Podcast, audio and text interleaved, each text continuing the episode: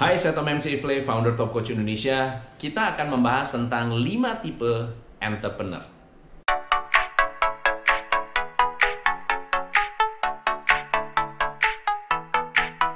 Yang 5 tipe entrepreneur saya bagi berdasarkan motivasi ketika memulai bisnis.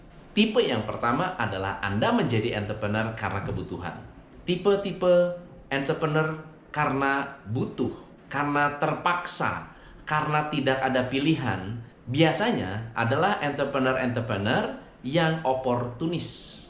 Yang fokusnya adalah melihat apa yang ada di depan mata, lalu kemudian dijadikan sebagai bisnis. Apa yang positif. Yang positif, mereka ini adalah orang yang sangat-sangat instinktif.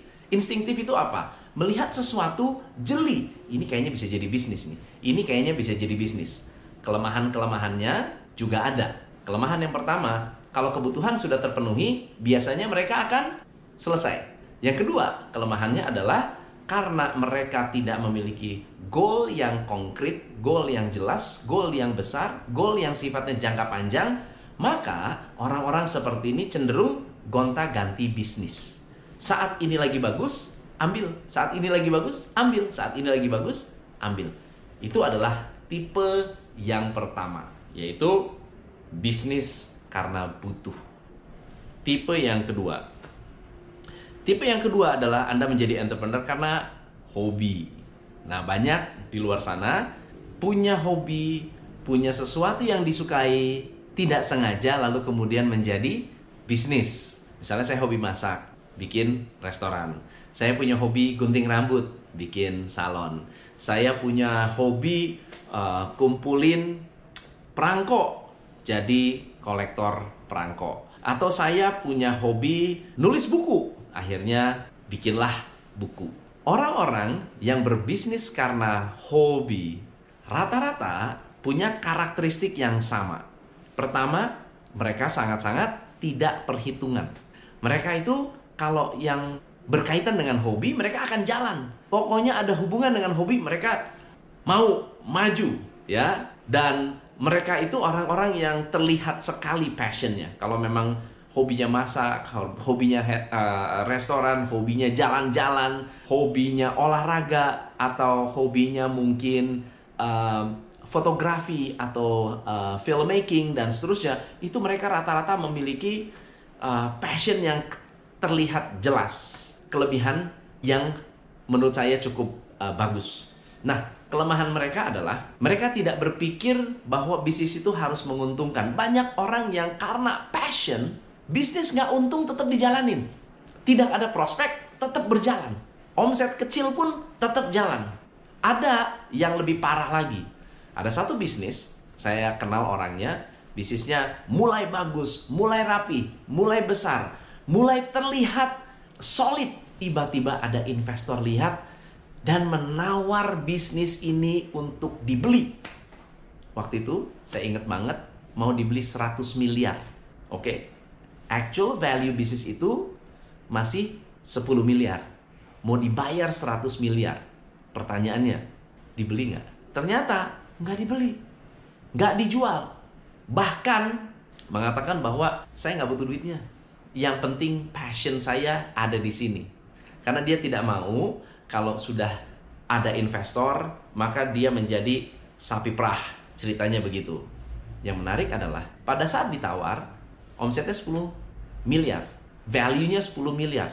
Bahkan sebetulnya bukan value 10 miliar, omsetnya 10 miliar.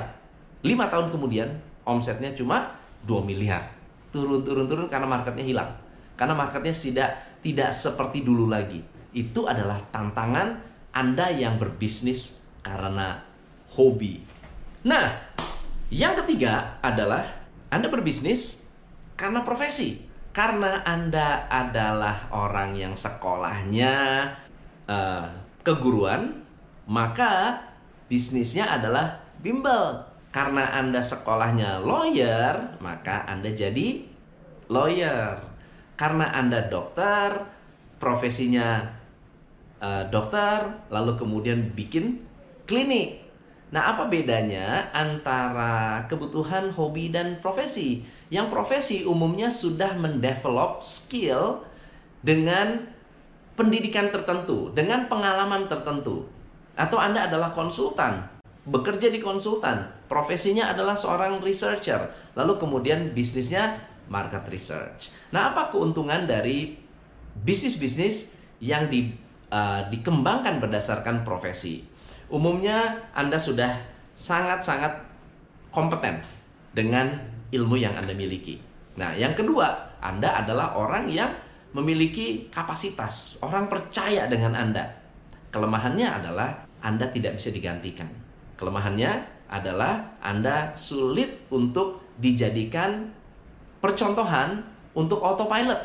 Contohnya, saya ini menguasai coaching, ya. Lalu kemudian yang paling bagus coaching cuma saya. Nah, apa yang terjadi? Semua orang pengen coaching dengan saya.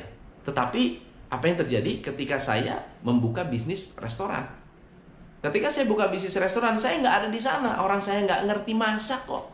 Orang saya nggak ngerti yang namanya bisnis kuliner nggak ngerti. Yang saya ngerti apa? Mengcoach orang untuk sukses di bisnis kuliner. Jadi ketika saya buka bisnis kuliner, bisnisnya berkembang dan tidak perlu ada saya. Ya, yang yang kedua, waktu saya ada uh, membuka lembaga keuangan, saya nggak ngerti perbankan.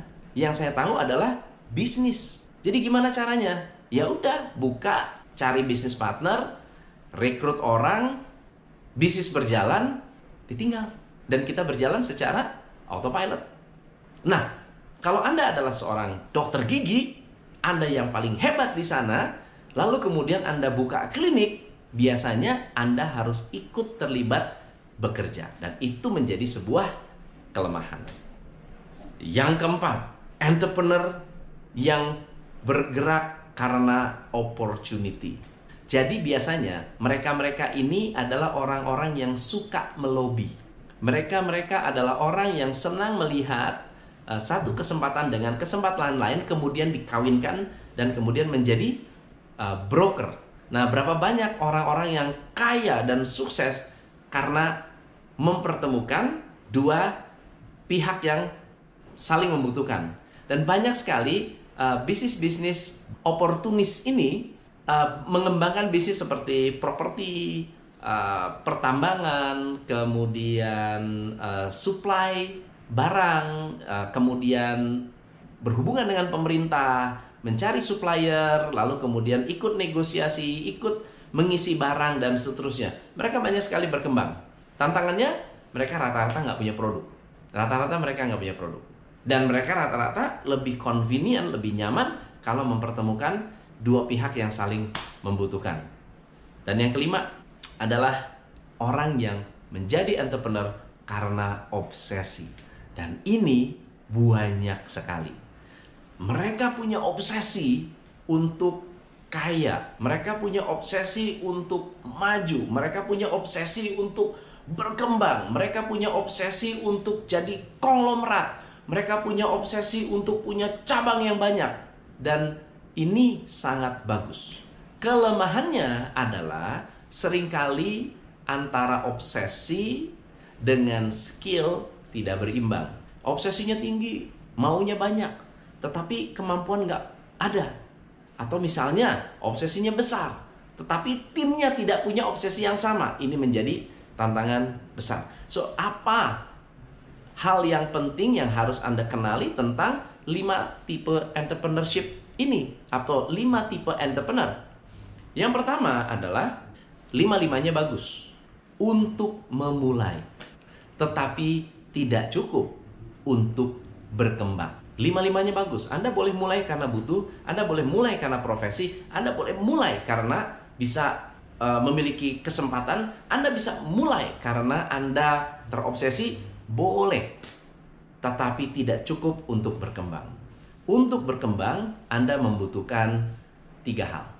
Yang pertama adalah manajemen, yang kedua adalah sistem, dan yang ketiga adalah people. The management adalah sebuah bisnis proses dan infrastruktur yang bisa membuat bisnis Anda stabil.